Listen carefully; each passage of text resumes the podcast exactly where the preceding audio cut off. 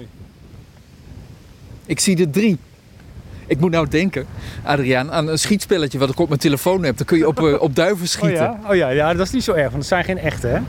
Maar, Nee, nee, dat zijn geen echte. Nee, dus dan mag het hoor. Maar eh, ja, nou, dat is eigenlijk wel, eh, ja, dan is het leuk. Maar als je de zomertortel, dat, die neemt dus gigantisch af, had ik al gezegd. Die zegt van 55.000, 50, 60.000 broedparen naar 600, 900 gegaan. En neemt nog elk jaar af. En eh, er worden nog steeds elk jaar 2 miljoen geschoten ongeveer. In het Middellandse zeegebied. Dan vinden ze het leuk om eh, zomertortels. eh, dan gaan ze echt speciale zomertorteljachtpartijen houden om zoveel mogelijk uit de lucht te schieten. En waarom is dat dan? Is daar een verklaring bij te bedenken? vinden ze leuk. Plezierjacht, ja, dat is voor mij een woord. Ik, in, in, in mijn hoofd kan dat niet één woord zijn, plezier en jacht. Dat is echt een eh, onbegrijpelijk en het is ook een soort traditie. Eh, bijvoorbeeld in Frankrijk wordt er echt veel geschoten nog. Eh, terwijl het gewoon een Europees beschermd soort is, maar dan mag het toch. Of het wordt oogluikend toegestaan. Ja, ik word daar niet goed van als ik eraan denk. En eh, dan ook nog als ze dan in Afrika komen, waar ze overwinteren. Daar verdwijnt ook nog hun overwinteringsgebied door bijvoorbeeld overbegrazing. En dan verdwijnen boompjes en zo. En dan komen ze in Nederland weer terug. En dan kunnen ze hun jongen niet groot, als ze al terugkomen, wat al een hele prestatie is. Dan komen ze hier en dan is de landbouw in de laatste 50 jaar zo veranderd dat gewoon geen, ge- ge- geen kruimeltje meer overblijft in het landbouwgebied.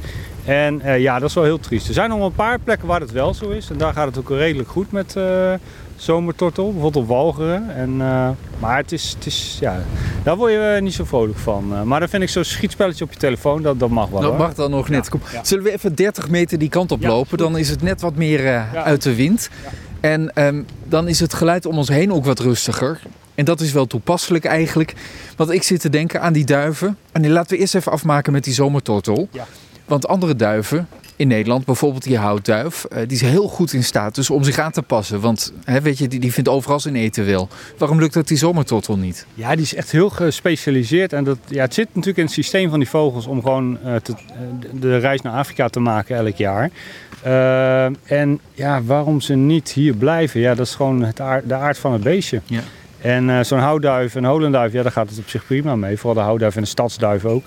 En eh, ja, dat, eh, dat zijn inderdaad beesten die zich wel overal weten te redden. Ja, dus de ene duif is de andere duif niet. Klopt. Hè? Nee, Ja, het, ja. is, het is net als bij mensen vaak. Ja. Het geluid van duiven. Als je, je kunt ze zo goed horen vliegen. Ja. Ieder ander vogeltje, als hij zijn snavel houdt, vliegt hij meestal muisstil. Maar een duif, die hoor je echt met die vleugels voorbij komen. Ja, dat is echt inderdaad een hoop, eh, hoop. her- Zelfs als het donker is, hoor je de duiven vliegen. Terwijl bijvoorbeeld uilen kunnen echt geruisloos vliegen.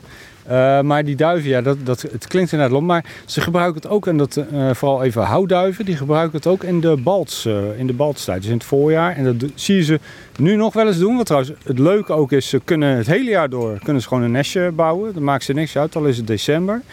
Maar die baltsvlucht, dat, dat vind ik altijd heel mooi om te zien. Dan ga- slaan ze zo met hun vleugels en dan gaan ze zo omhoog. Ja, ik doe het nu voor met mijn hand, dat zie je Ja. niet op de radio, maar ze gaan omhoog.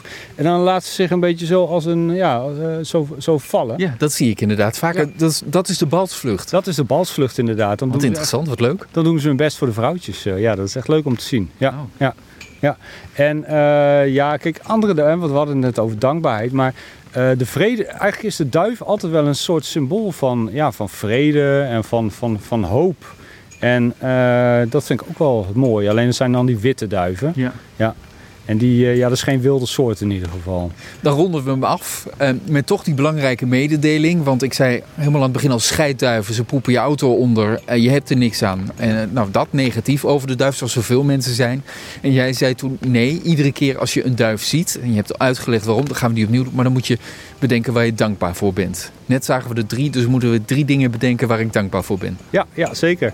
Ja, nou, eh, je kan bijvoorbeeld bedenken, goh, ik, eh, mijn auto die doet het nog en ik, die rijdt me zo veilig naar huis. En als je dan thuis aangekomen bent, eh, kan je lekker een kopje koffie pakken.